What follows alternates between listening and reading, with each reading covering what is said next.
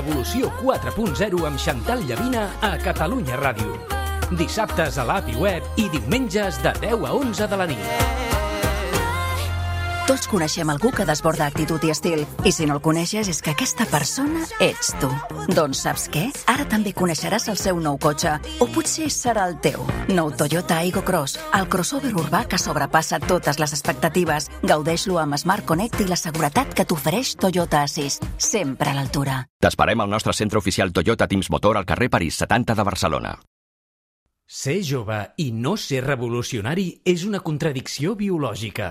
Salvador Allende.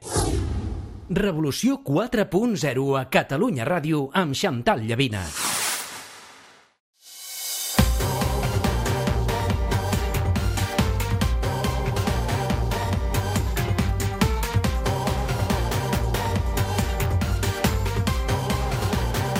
Masterclass Becerra, amb Santiago Niño Becerra. Ho escrivia l'altre dia Santiago Núñez Becerra a Twitter, el punt on ha arribat avui la robòtica és només l'assaig d'on arribarà demà. Ara li preguntarem què volia dir exactament. Yeah,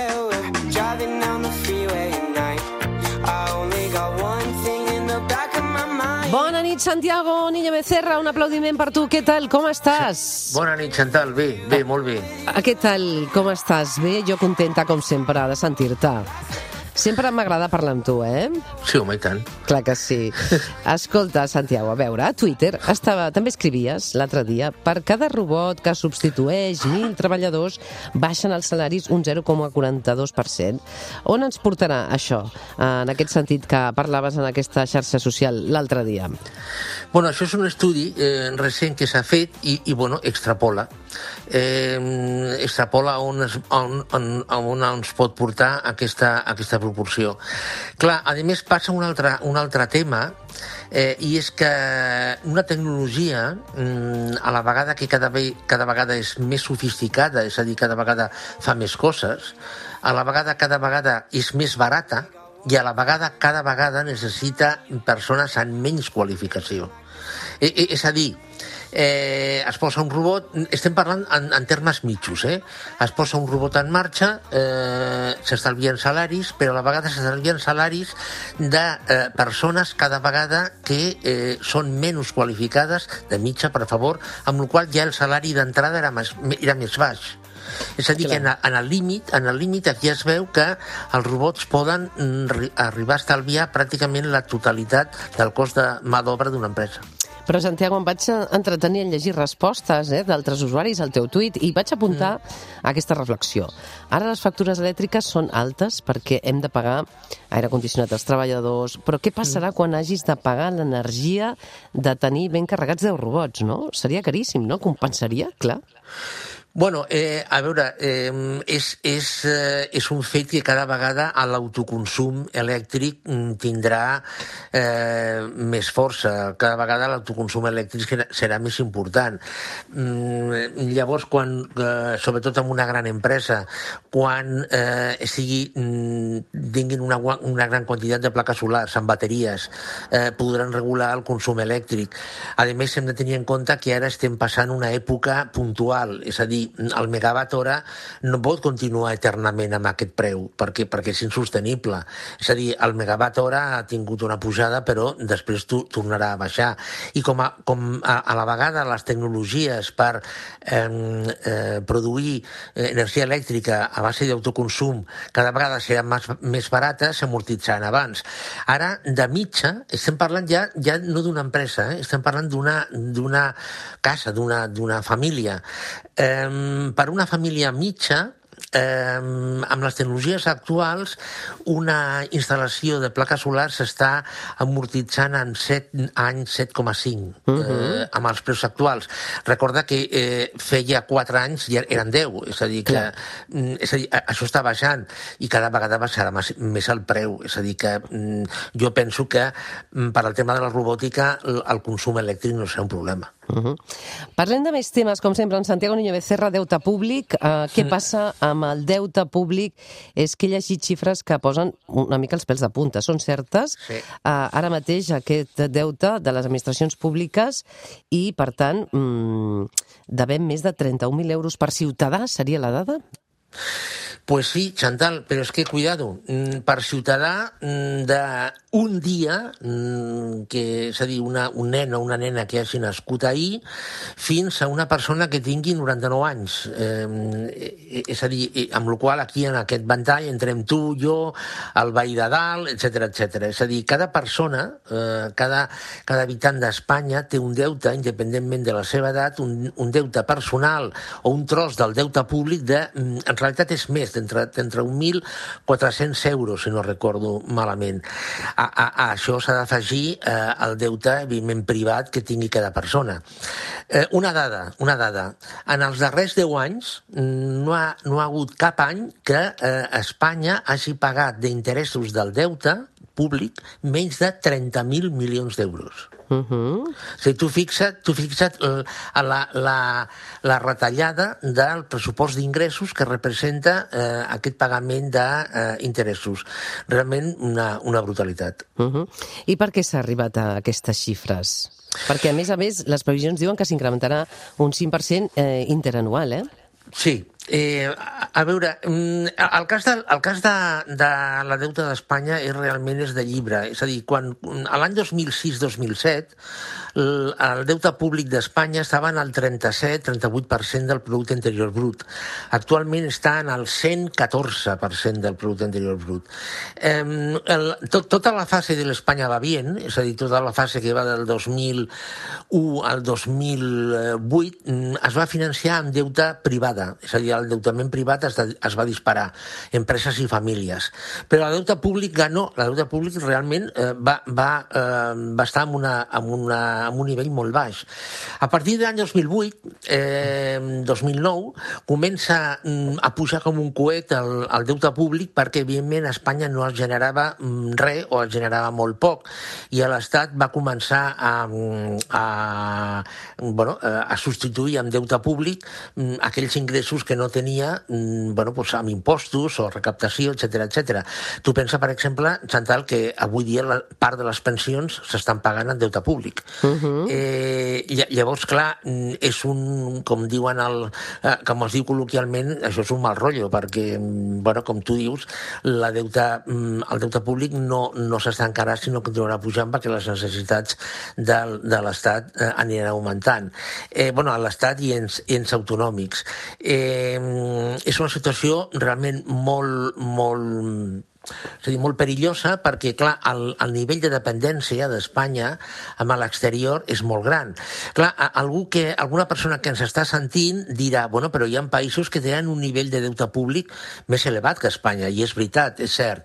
El que passa és que el problema d'Espanya mm, eh, és eh, el nivell de deute públic, però hi ha un problema que encara és més, més greu, que és el nivell de deute exterior. És a dir, quin percentatge del deute el tenen els de fora. I aquí a Espanya mm, punxa punxa perquè és el segon país del món, després dels Estats Units, en deute exterior. Eh, és a dir, mm, Espanya depèn molt de l'exterior, de que li comprin la deuta i que li vulguin eh, renegociar quan arriba el venciment, però eh, Espanya ha de pagar, eh, i ha de ser molt bon nen o molt bona nena, no sé, eh, i fer les coses molt bé, perquè si no mm, perdrà la inversió estrangera confiança en Espanya. I llavors Espanya tindrà problemes al deute. Molt complicat, realment realment molt complicat.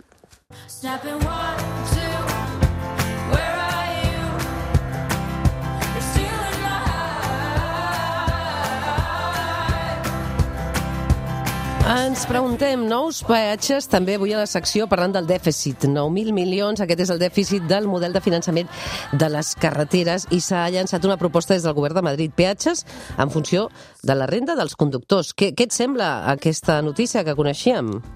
Em, pues, doncs, em sembla un despropòsit, eh, Chantal. Sí, no? A, a, un despropòsit total. Et posaré un exemple. Un exemple absurd, eh? Però és perquè es vegi millor. Tu imagina't una persona que guanya a l'any un milió d'euros, ¿vale?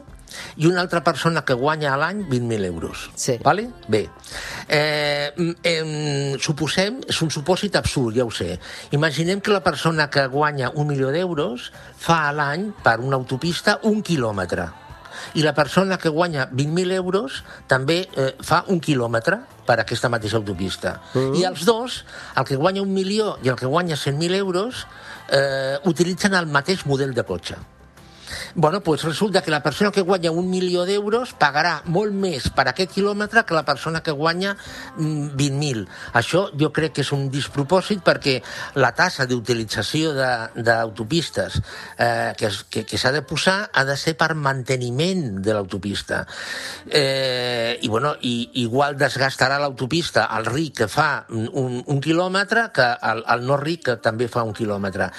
Mm, És a dir, si es vol posar un, un, un impost als rics, que es posi, és a dir, mm, que es defensi al Parlament, que es, es modifiqui la, la llei de l'IRPF i que es posi un recàrrec als rics. Però, home, que, que no, no s'afegeixi al tema de la, del, del, del peatge o del manteniment de les autopistes perquè jo crec que no té sentit. Però aleshores, eh, no, pot passar que acabem amb unes carreteres que siguin només, eh, no?, perquè hi circulin els rics, Santiago, clar. No, no, perquè, home, això, això ja ho faran de forma tal que no passi. El que passa és que, bueno, els rics pagaran mm, aquest senyor que, o aquesta persona que guanya, un, m'ho invento, eh, aquesta persona que guanya eh, un milió a l'any igual paga un euro per quilòmetre i la persona que guanya només 20.000 pagarà dos cèntims per quilòmetre.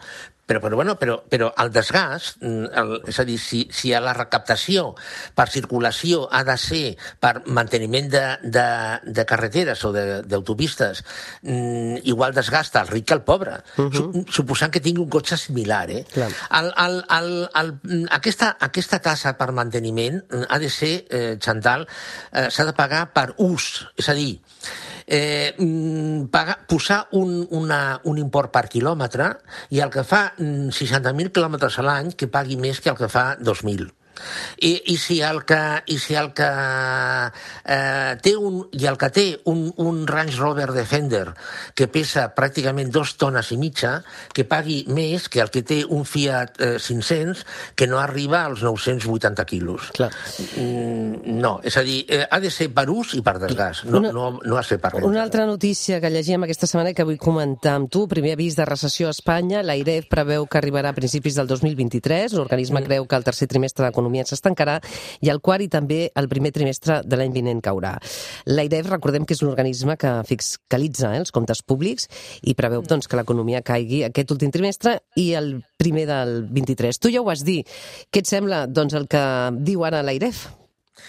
Bueno, jo, jo crec que la idea, jo, jo crec que la idea l'única cosa que fa és eh, mm, posar una marca més eh, o, o, o dir alguna més amb aquest rosari d'avisos que s'estan dient des de fa un any de que mm, a l'any, al, al darrer trimestre del 2022 i pràcticament tot el 2023 serà un any molt dur. Mm, De tota manera, jo, Chantal, sota el meu punt de vista, eh, a Espanya jo crec que... Es, a, a tota Europa, eh, no només a Espanya. Eh. El que passa és que jo crec que a Espanya, al carrer, la ciutadania, ho notarà més el 2024, perquè el 2023 hi ha eleccions.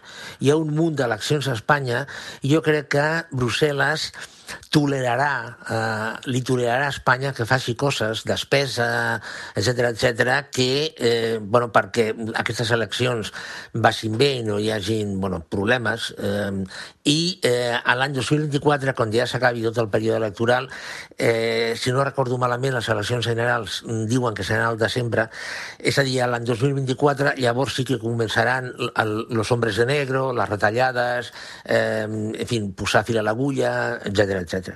Clar. Per tant, aquest, però aquest primer avís de recessió d'Espanya de l'AIREF, que preveu que arribarà a principis del 2023, ho comparteixes, eh? Sí, bueno, però mm, a veure, és que mm, és que la recessió, la recessió no, a veure, a veure, té, mm, amb el manual de teoria econòmica a la mà, una recessió són dos trimestres consecutius amb un creixement negatiu. Però si resulta que l'economia està creixent molt poc, molt poc és 0, o molt poc, eh, i amb aquesta inflació que tenim, clar, ja, ja s'està produint una, una caiguda de, de, de l'activitat econòmica, amb la qual no cal que sigui nega, negativa, negatiu el creixement. Mm, sí, eh, el comparteixo perquè, mm, di, torno a dir, està amb aquesta, eh, amb aquesta llista de eh, vaticinis o de previsions que s'estan fent que són realment molt negatius. Clar. Molt bé, doncs escolta, Santiago, avui una secció una mica més llarga amb tu per repassar diferents temes. Per acabar, m'he deixat alguna cosa que volies comentar, Santiago? Eh, bueno, no, mm, ja, ja ho hem tocat pràcticament tot, no? Eh, hem tocat el de... M'interessava parlar dels peatges, que ja, ja, ja ho hem parlat. Molt bé. Eh, I bueno, i bé, sí. Molt bé. Doncs escolta, Santiago Niño Becerra, sempre posant en el llum també en aquest cas a la foscor econòmica i tecnològica que a vegades hi ha i sempre aprenent amb tu. Una abraçada, bé. Santiago. Gràcies, Chantal, bona nit.